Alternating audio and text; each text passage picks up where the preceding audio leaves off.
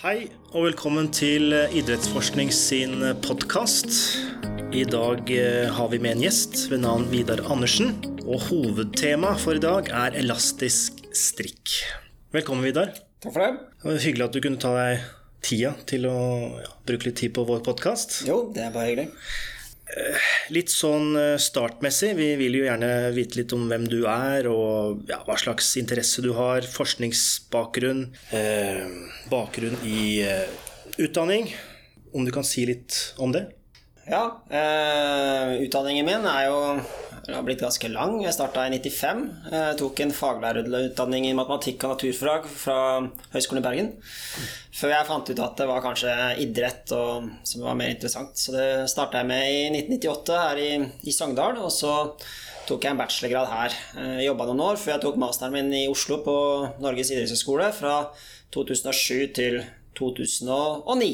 Mm. Så har jeg da etter det jobba litt, og så både i treningssenterbransjen, som jeg jobba en ja, sju, åtte, ni, ti år, et eller annet. Litt usikker på som, som PT, ikke sant? Som PT, som ja. avdelingsleder, som instruktør. Ganske mye forskjellig. Mm. Og så har jeg da siden 2011 jobba innen akademia, eller på høyskolen her i, her i Sogndal, og der jobber jeg da fortsatt. Ja. ja. Litt sånn når det kommer til forskning og idrettsforskning, hva er det du ja, hva skal jeg si, brenner mest for? Det jeg brenner mest for, er nok eh, det som retter seg inn mot styrketrening. Eh, jeg har en ganske brei sånn portefølje i forhold til at jeg har gjort noen studier inn mot fotball og litt forskjellige andre ting også, men, men eh, gjerne i en slags lys av styrketrening og styrketrenings treningslære retta mot styrketrening. Da. Så det er gjerne der som er mitt, mitt hovedfokus, kan du si. Da. Og så har det da inn i den styrketreningen så har det blitt mye de siste årene uh, inn mot det med bruken av variabel motstand, eller elastiske, elastiske bånd, som, mm, mm. som, du tok med her i introen.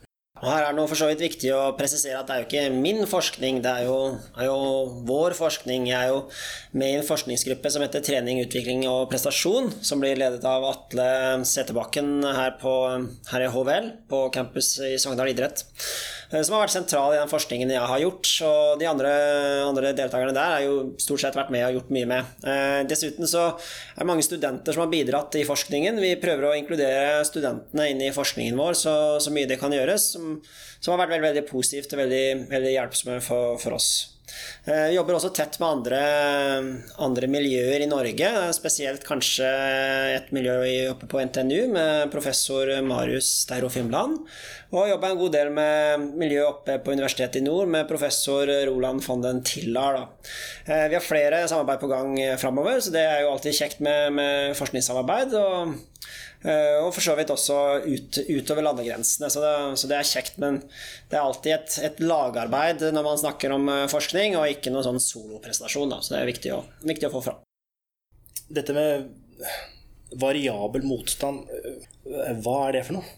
Ja, det handler jo egentlig om å på en måte bruke utstyr som endrer motstanden gjennom bevegelsen vi skal bli veldig faglige, så, så gjør han egentlig det bare vi løfter en stang fra gulvet eh, i seg sjøl. Men, mm. men, her er det altså snakk om at utstyret eh, endrer det, og ikke det som er inni kroppen vår, som gjør vanligvis da når vi løfter en, en vanlig stang fra gulvet. Det vi kaller for konstant motstand. Så det, det, handler om at man på ulike måter kan bruke et utstyr på ulike måter, litt avhengig av hvilket utstyr man bruker, eh, endrer eh, motstand gjennom bevegelsen. Det det går på, det er jo egentlig at hvis du løfter en stange fra bakken, så vil du kjenne det at i noen deler av bevegelsen er det veldig tungt.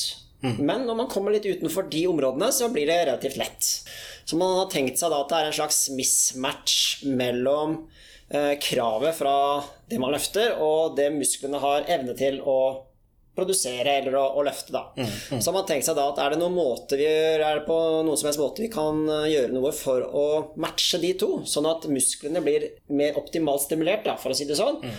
Og så har man da kommet opp med det som vi kaller for variabel motstand. Det er rett og slett den ytre motstanden endres gjennom bevegelsen, sånn at den skal prøve å simulere det musklene kan klare å produsere av, av kraft gjennom bevegelsen. Da.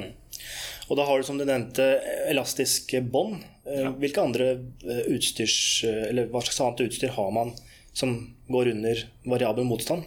Ja, det er litt forskjellige ting. Vi har f.eks. Jeg tror veldig mange av ja, lytterne her bruker det når man er på et treningssenter. fordi at veldig mange av de, i hvert fall de nyere maskinene de har det vi kaller for en kambasert aksling, mm. som gjør at en vanlig rund trinse er uh, bytta ut med en mer sånn oval slags aksling. Og den gjør at da motstanden endres gjennom bevegelsen. Kanskje ikke noe vi tenker på, men der er faktisk et eksempel på det med variabel motstand som brukes mer enn det man kanskje tenker og tror. Mm. Litt mer sånn eh, for spesielt interesserte. Du har noen apparater som går på lufttrykk det som vi kaller for pneumatiske, eh, pneumatiske, maskiner.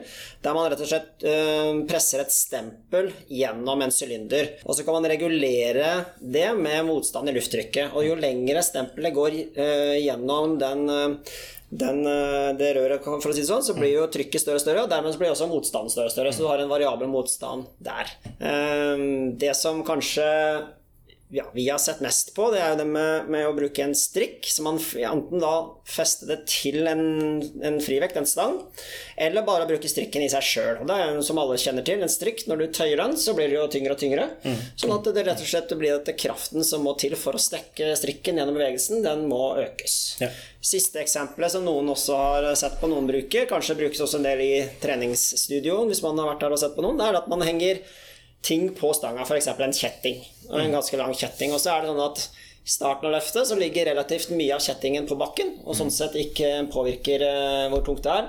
Men jo høyere man løfter stanga, jo mer og mer kjetting blir løfta fra bakken, og jo tyngre blir da den vekta man løfter, sånn at du har en variabel motstand gjennom det. Ja, ja, bra. Ja, nå er vi egentlig vel inne litt på dette med elastisk strikk. Og for å få, på, få et historisk eh, bakteppe Eh, så er det viktig å vite litt om hva er historien bak dette med strikk. Og det skal jeg si litt om. Eh, strikk ble patentert i ca. 1845.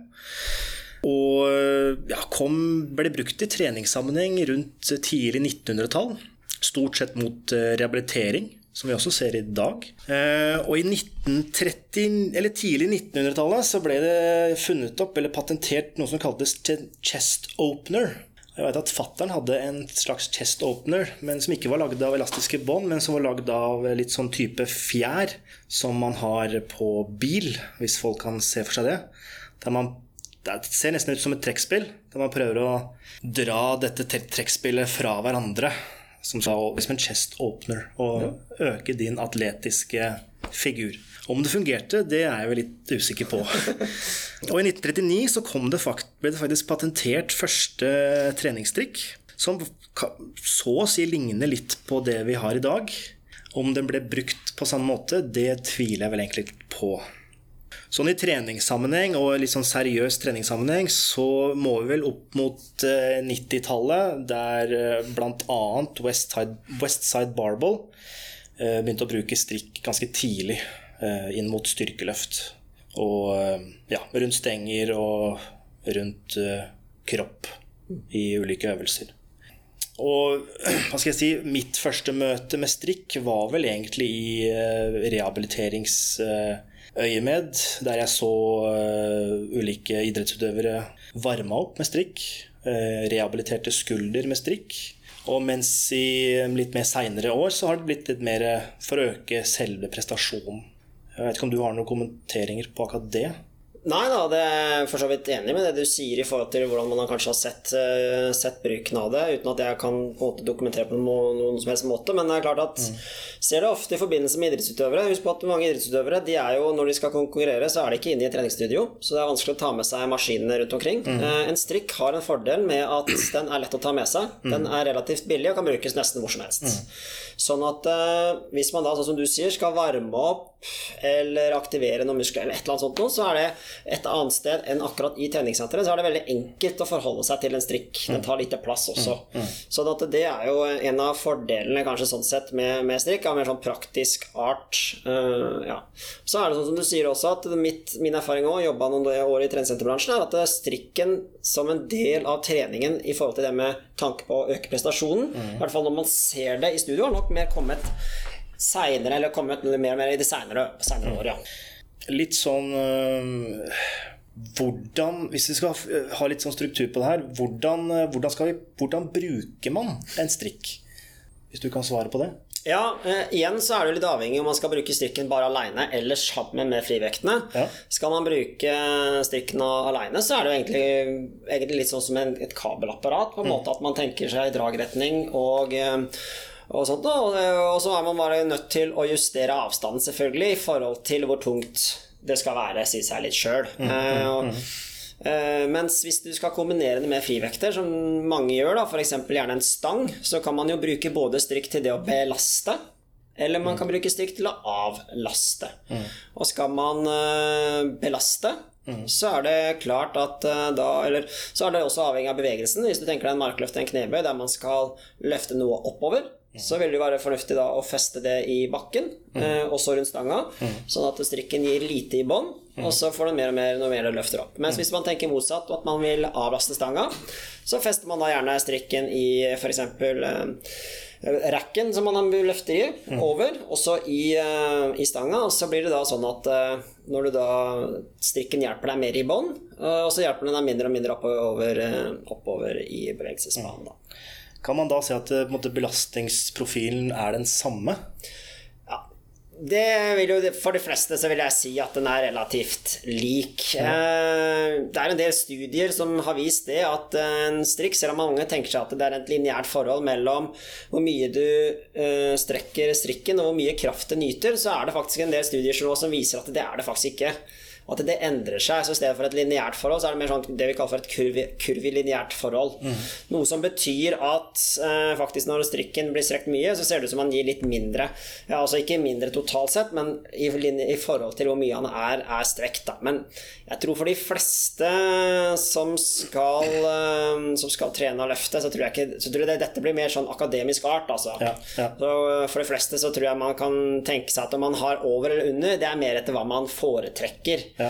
Eh, en del liker han over, fordi at eh, da blir det kanskje mindre grad av det her med stabilitet. Eh, da må du ha på litt mer vekter, fordi at du, du, har strikken til å hjelpe deg. Mm. Men på toppen da, der det å, så er det på en måte lite strikk, og du er akkurat som nesten som å løfte med vanlige frivekter. Ja. Mens hvis du har strikken nede, så når du kommer på toppen, så er det ganske bra drag i den strikken. Og hvis du da står litt feilposisjonert i forhold til hvor den er festa, så kan man oppleve det som litt sånn ustabilt. Ja. Så mange opplever det som som litt, uh, litt ubehagelig. Mm. På den annen side så er det andre som mener at ut ifra sikkerhetshensyn så er det bedre å feste strikken nede. For hvis du er aleine og trener, og i verste fall en strikk ryker, så er det litt dumt å ha lagt på egentlig mer vekter enn det du klarer å løfte. Mens hvis du har festa den nede, så har du egentlig mindre vekter enn det du klarer. Og hvis en strikk ryker, så kan jo det også være litt skjebnesvangert da òg, men det er kanskje potensielt mindre skaderisiko enn hvis den er festa over. Da. Så det er, det er, litt sånn syn over man, uh, hvordan man ser på det. Sånn. Anbefalingen blir vel kanskje at uh, ikke prøv å legge på tunge vekter med strikk og trene aleine. At det er alltid greit å ha noen. Men det gjelder jo egentlig generelt styrketrening. At skal man løfte tungt og løfte øvelser som kan være litt sånn potensielt skade, skaderisiko, så er det greit å ha med seg en, en partner til stede for å hjelpe til. Også. Og for de av dere som har fulgt, på, fulgt med på Idrettsforskning sin egen eh, ja, Instagram, Facebook og Twitter-konto, så ser man at løfter man med andre, så løfter man jo flere repetisjoner og føler seg mindre trett. Ja. Hvis man har spottere. Det er jo Ja. En del, ja. det, er, en del ting som kan tyde på det. Mm, ja, det psykiske. Du nevnte noe om eh, konstant motstand eh, versus variabel motstand. Ja. Og hvis vi da konstant motstand i form av en vekt. Kan være stang, kan være stang med vektskiver, mm. som vi alle er, eller fleste av oss er vant til å trene med. Hva sier forskningen om den type trening, tradisjonell styrketrening versus trening med strikk? Ja. Nei, altså det er jo eh, Det er ikke gjort kjempemye på området, men det begynner jo komme mer og mer forskning, og det er jo gjort en del. Mm. Og stort sett det er også kommet en del metaanalyser på det her, og stort sett det man konkluderer med, er at det ser ut til å ha relativt lik effekt. Ja. Eh, altså Det ser ikke ut som at det er noe sånn eh, rakettforskning eller rakettenke å begynne å trene med elastiske bånd. Samtidig så ser det ikke ut til å være så dumt heller. Altså Det ser ut til å gi sånn cirka den samme effekten som å mm. trene med vanlige frivekter. Det er noen studier som viser at det å bruke elastiske bånd sammen med frivekter kan gi bedre effekt, mm. men så er det også noen andre som viser det motsatte. Så når man ser på en måte tar all forskningen og ser den sammen, så ofte vanligvis så konkluderer man med at det ser ut til å gi relativt lik mm. effekt. da. Gjelder dette alle populasjoner i hele verden? Altså eldre, yngre, barn, eh, mosjonister, eliteutøvere osv.? Ja, altså ut fra den forskningen jeg har lest, i hvert fall, så det ikke, kan ikke jeg si at det gjelder for at for noen populasjoner så er det gunstig å gjøre det enn andre. Det, da må det være mer sånn type praktisk art. Mm. Eh, hvis du tenker deg f.eks. Nå går vi litt vekk fra forskningen igjen og snakker litt mer sånn logisk. Ja. Altså Hvis ja. man tenker seg f.eks. at eh, man trener en eldre person som sliter i det hele tatt med å reise seg fra en stol så er det jo kanskje ikke så lurt å gi dem en, en, vekt som gjør det enda tyngre i starten. Men kanskje kunne de klart en strikk, sånn at de kommer over den første fasen som er tung, at man får litt mer motstand på toppen. Ja, ikke sant? Uh, en siste ting akkurat med den eh, befolkningsgruppa er jo at strikk kan faktisk hjelpe deg til å ta vekk noe av kroppsvekta di. Mm. Hvis du sliter med å gjøre kroppsvektsøvelser, så kan man jo faktisk bruke strikk mm. som et hjelpemiddel til å avlaste kropp, kroppsvekten, mm. og sånn sett uh, hjelpe til å få gjennomført uh, øvelser. Så, så, det også er jo en ting som, som er fint med å bruke elastiske bånd eller strikk. da. Jeg gjorde et lite Google-søk i går rundt dette med strikk, og da henholdsvis mot norske nettsider. Og det jeg som regel finner da, er eh, Hvis man skal kun trene med strikk, eh, så finner jeg som regel eh, dette med sirkeltrening. Og gjerne øvelser som både går på underkropp og overkropp. Men som jeg tenker sånn Ok, men gir dette her effekt? Fordi er det ikke sånn at det er lett å få effekt på overkroppen ved bruk av strikk, men underkroppen, som oftest er sterkere, er det vanskeligere å få effekt hvis man kun skal bruke strikk. Mm. Jo, det, det, er jo en ting som, eh, som også for så vidt eh, en forskningsgruppe fra, fra Trondheim har spekulert rundt litt i i, sine, i sin studie med bruk av strikk. At mm. når det er snakk om store øvelser i, der man er ganske sterk, så mm. kan det å bare bruke strikk kanskje være en liten utfordring mm. i forhold til at du må finne strikker som matcher det musklene dine kan klare. Og da er det kanskje i starten så skal du ikke ha altfor mye, men så skal du ha veldig mye på toppen. Mm. Så du må ha en litt sånn sånn type spesiell strikk. Så, så, det er jo et poeng, kanskje, at i underkroppsøvelser, i hvert fall eller øvelser der man er veldig sterk, um, så kan det kanskje være en utfordring hvis du bare skal bruke strikk. Mm. Ja.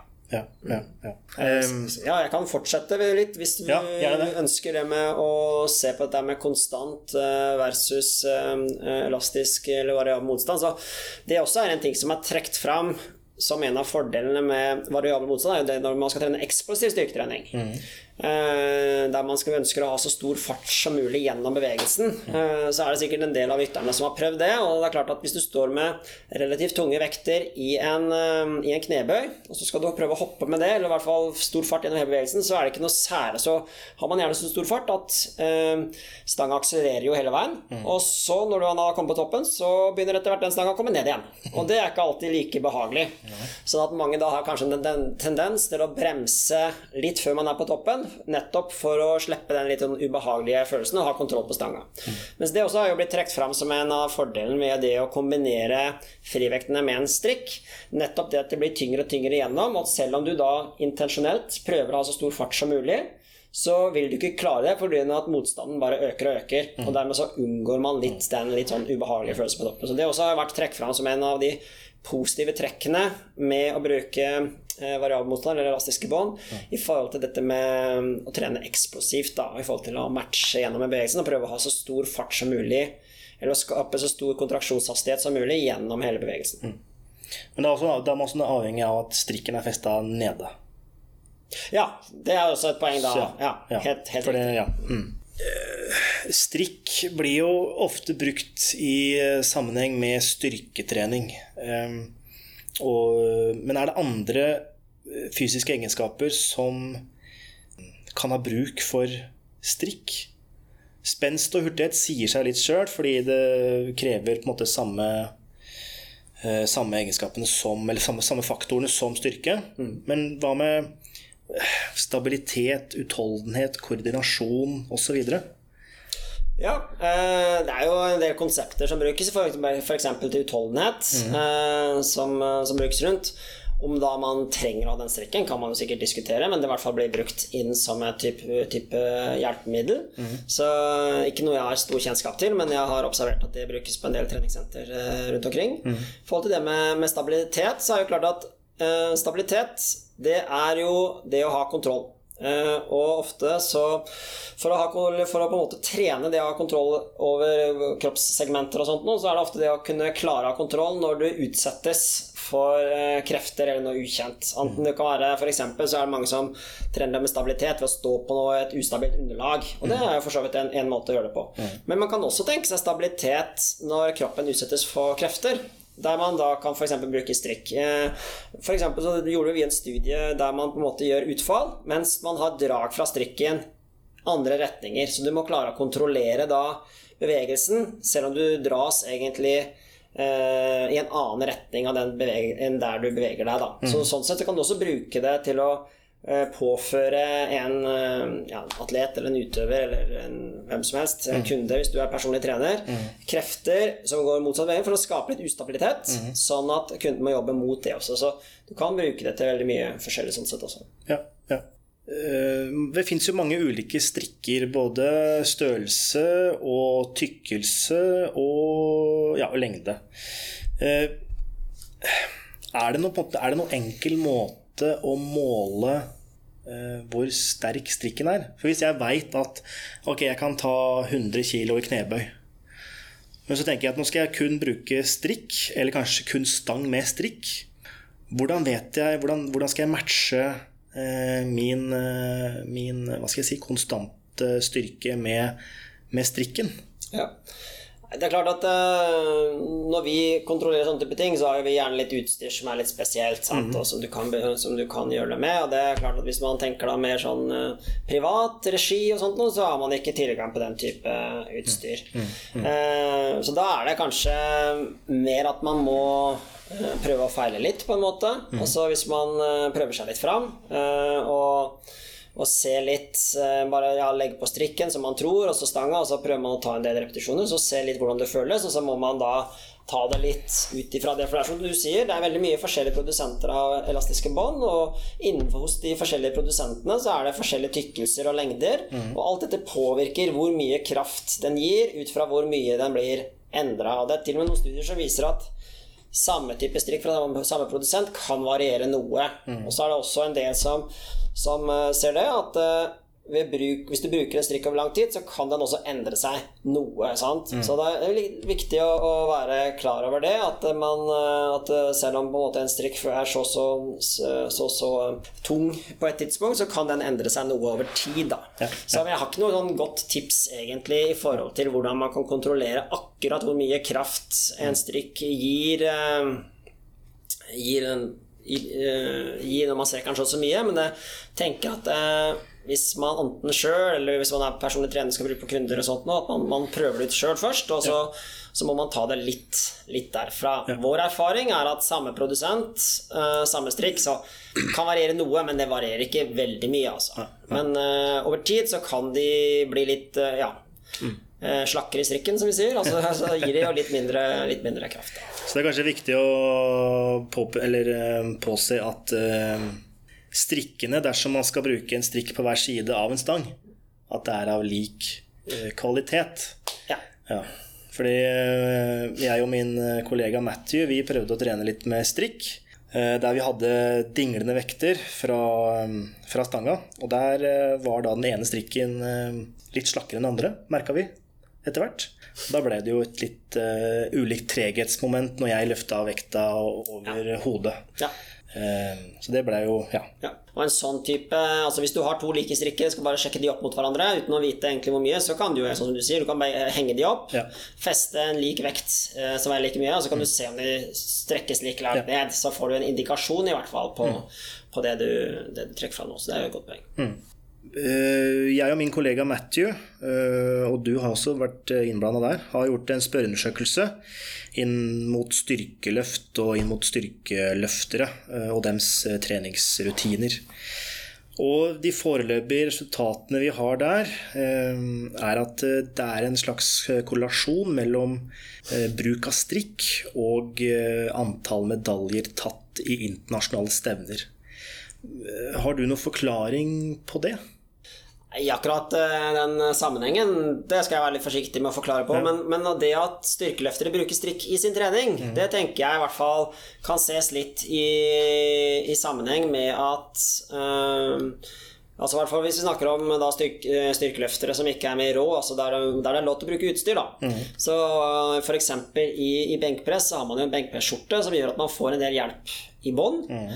Og så at det blir tyngre og tyngre jo lenger opp i løftet du kommer, at du får mindre og mindre hjelp fra den skjorta du bruker. da.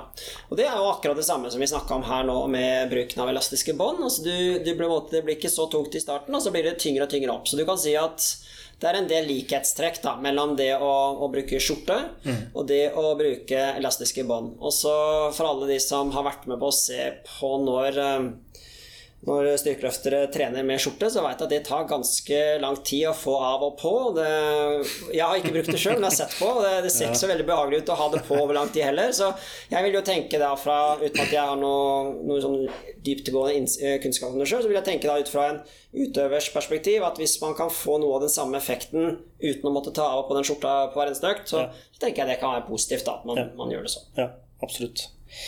Ehm, det er nok en god, eh, god forklaring. Eh, litt sånn eh, Den eh, forskninga som foreligger nå, versus den kommende. Hva tenker du den kommende forskninga burde omhandle innenfor bruk av elastisk strikk? Ja. Eh, som sagt så er jo det noe som er blitt gjort en del forskning på, men det er mye som ikke er gjort mm. også. Eh, så jeg tenker at det er bl.a. En, en del av de tingene vi har sett, det er at eh, de har altså, Veldig sånn kategorisk så snakker vi ofte om det å trene med elastiske bånd eller ikke trene med elastiske bånd. Mm. Men det blir litt sånn svart-hvitt, da. Eh, vi tenker at kanskje kan det ha noe å si hvor stor del av den totale motstanden de elastiske båndene utgjør. For en av de første studiene vi gjorde, så, så, så var det en trenings, uh, treningsintervensjon der man trente over en viss, gitt periode. En gruppe trente bare med frivekter, og en trente med frivekter og elastiske bånd. Og så ble man jo sterkere, sånn som man gjerne blir når man trener uh, styrketrening. Og på den gruppa der som brukte elastiske bånd sammen med frivektene, så la vi bare på mer, mer og mer frivekter. Eh, litt sånn eh, ja, hva skal jeg si, sånn nybegynnerfeil, kanskje. Men mm. det vi så etterpå, det er jo at jo lenger ut i intervensjonen vi kom, jo, jo likere og likere ble gruppene. Så, så, det som er vårt poeng kanskje nå, det er at uh, prøve å se litt Hvis du bruker en relativt stor del av motstanden kommer fra de elastiske båndene, da. Så det blir større forskjell mellom den nedre og øvre posisjonen enn det det er hvis du bare har en liten strikk. Eh, altså ikke, ikke så mye bidrag fra den elastiske båndet. Så det er i hvert fall en av de tingene som vi tenker på at kunne vært interessant uh, å, å sett, sett, noe på. Da. Ja, ja. Jeg spurte jo i stad om um, bruk av elastisk strikk inn mot andre egenskaper som utholdenhet, stabilitet og koordinasjon. Uh, men hva med dette inn mot idrett? Vi har snakka litt om styrkeløft, uh, men det fins jo andre Altså eh, lag, lagidretter som fotball, vi har eh, kastidretter, vi har eh, Hva skal jeg si? Ja, idretter. da, Individuelle og lagidretter. Ser du noen gunstige effekter av strikk som de kan få? Ja. Jeg tenker jo at det er Igjen så er det litt avhengig av hvilken idrett og antageligvis hvilket nivå vi snakker om. Mm. Igjen, altså Husk på det at hvis man tenker å, å gjøre noe inn mot et, et, lag eller en utøver, så er strikk, og i hvert fall hvis man har begrensa med midler, da, så er strikk et relativt rimelig eh, utstyr, og det kan brukes overalt og er relativt enkelt å bruke. Mm. Um, så vi har gjort en studie inn på håndball også, med håndballspillere, der vi bare ønsket å se egentlig hvor Hvilken effekt kan det å bruke elastiske bånd som en slags sånn type tung, eksplosiv styrketrening inn i håndballtreningene bidra med. Og da, da, var det snakk om at man da bare brukte 20 minutter egentlig etter oppvarmingen. Før man begynte med håndballtrening, så kjørte man 20 minutter relativt eh, raskt treningsprogram der man trente eh, styrketrening, men hadde fokus på det å gjøre den konsentriske bevegelsen så eksplosivt som, som mulig. Da.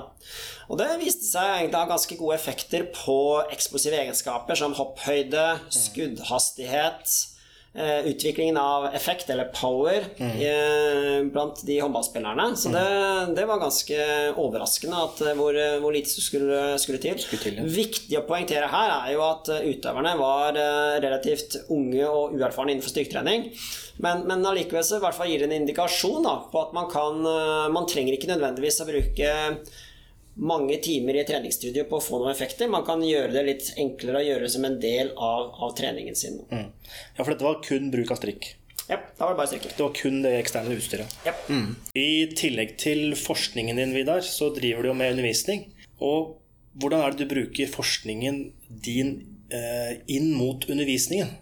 Ja, øh, ja, jeg tenker jo at det å, å, på en måte trekke forskningen inn der er en, uh, veldig, veldig, viktig. Både for, uh, for vår egen del og ikke minst for studentene sin del. Vi har uh, idrettsutdanningene her, her, i Sogndal er veldig varierte. Vi har inn mot noe som går mer inn mot sånn rent fysiologi, og noe trekker inn mot rehabilitering.